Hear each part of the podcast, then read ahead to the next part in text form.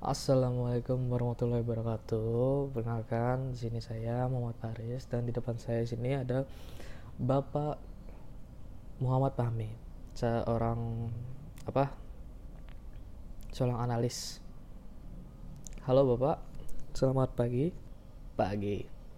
Ya. Menurut Bapak, APBD itu apa sih? kita kita di sini pengen tahu gitu loh. Apa sih itu APBD? Oh iya iya. Jadi kita kita mulai dari awal aja dulu ya. Jadi APBD itu adalah anggaran eh APBD kamu tadi nanya, nanya apa? Kita bahas ke awal dulu ya. APBD ya. Kita lihat dari awalnya dulu.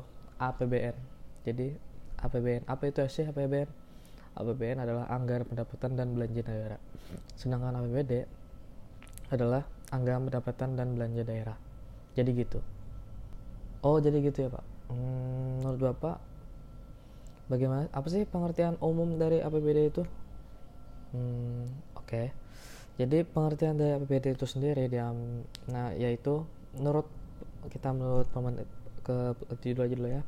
Menurut Pemendagri nomor 21 eh, menurut peraturan Menteri Dalam Negeri nomor 21 tahun 2011 APBD adalah sebuah rencana keuangan tahunan pemerintah daerah yang dibahas dan disetujui oleh pemerintah daerah dan DPRD, serta ditetapkan dengan peraturan daerah. Hmm, jadi, APBD merupakan instrumen kebijakan yang utama bagi pemerintah daerah. Anggaran daerah juga digunakan sebagai alat untuk menentukan besar pendapatan dan pengeluaran. Menurut Bapak sendiri nih, APBD itu asalnya dari mana aja sih Pak? Hmm, kalau untuk asal, hmm, merujuk kepada Undang-Undang Nomor 32 Tahun 2004 Pasal 57 sumber pendapatan maupun juga, maupun juga penerimaan daerah terdiri dari satu pendapatan asal daerah. Yang kedua dana bagi hasil. Yang ketiga dana alokasi umum. Dan keempat dana alokasi khusus. Dijelasin sih pak. Uh, satu-satu dari yang bapak sebutkan tadi. Oh bisa bisa.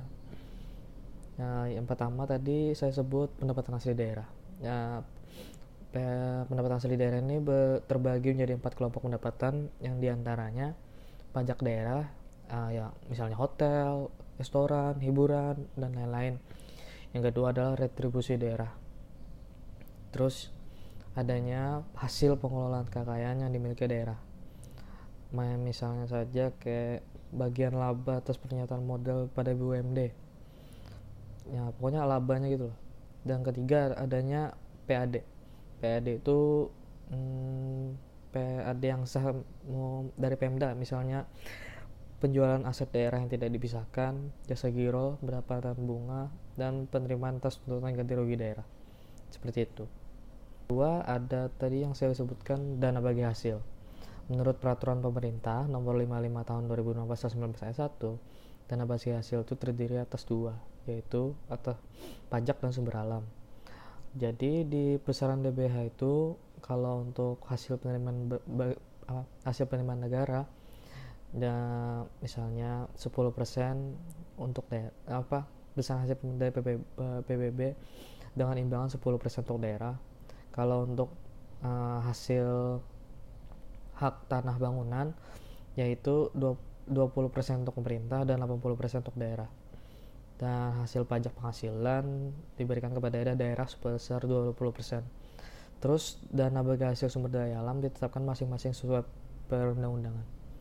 Yang ketiga adalah dana alokasi umum. Jadi dana alokasi umum ini berasal dari APBN yang dialokasikan dengan tujuan pemerataan kemampuan keuangan antar daerah untuk membiayai kebutuhan pengeluaran dalam rangka pelaksana desentralisasi. Jadi terus ada ada dana alokasi khusus yaitu hmm, kita menurut undang-undang saja nih. Menurut undang-undang nomor 33 tahun 2004 dan alokasi khusus adalah dana yang bersumber dari pendapatan APBN yang dialokasikan kepada daerah tertentu.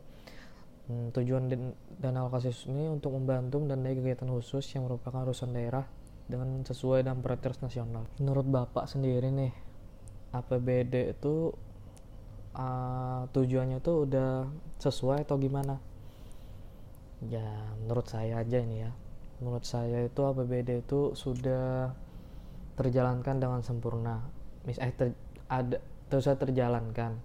Walaupun ada yang tidak terjalankan meski begitu kan rakyat itu bisa merasakan apa dampak dari APBD tersebut dan mendapatkan timbal balik dari pemerintah. Jadi menurut saya APBD itu sudah tersampaikan walaupun masih ada kesalah-kesalahannya jadi ketika saya belajar tentang APBD ini saya mendengar istilah WTP gitu pak WTP itu apa sih pak jadi WTP itu adalah wajar tanpa pengecualian. Ini ini adalah sebuah opini WTP wajar tanpa pengecualian.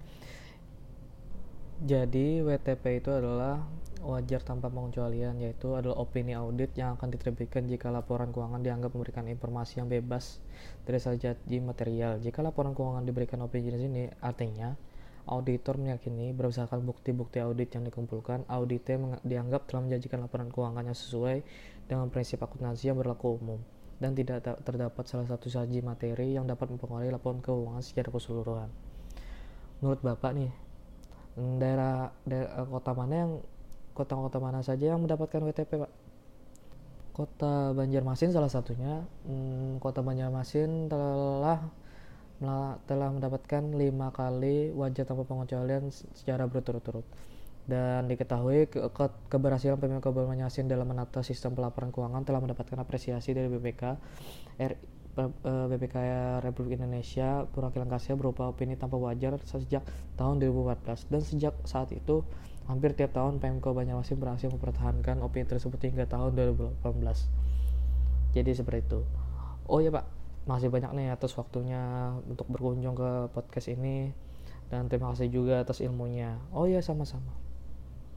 Ya uh, untuk itu di sini saya akan akan mengucapkan selamat selamat tinggal dulu untuk di podcast saya. Bisa pak?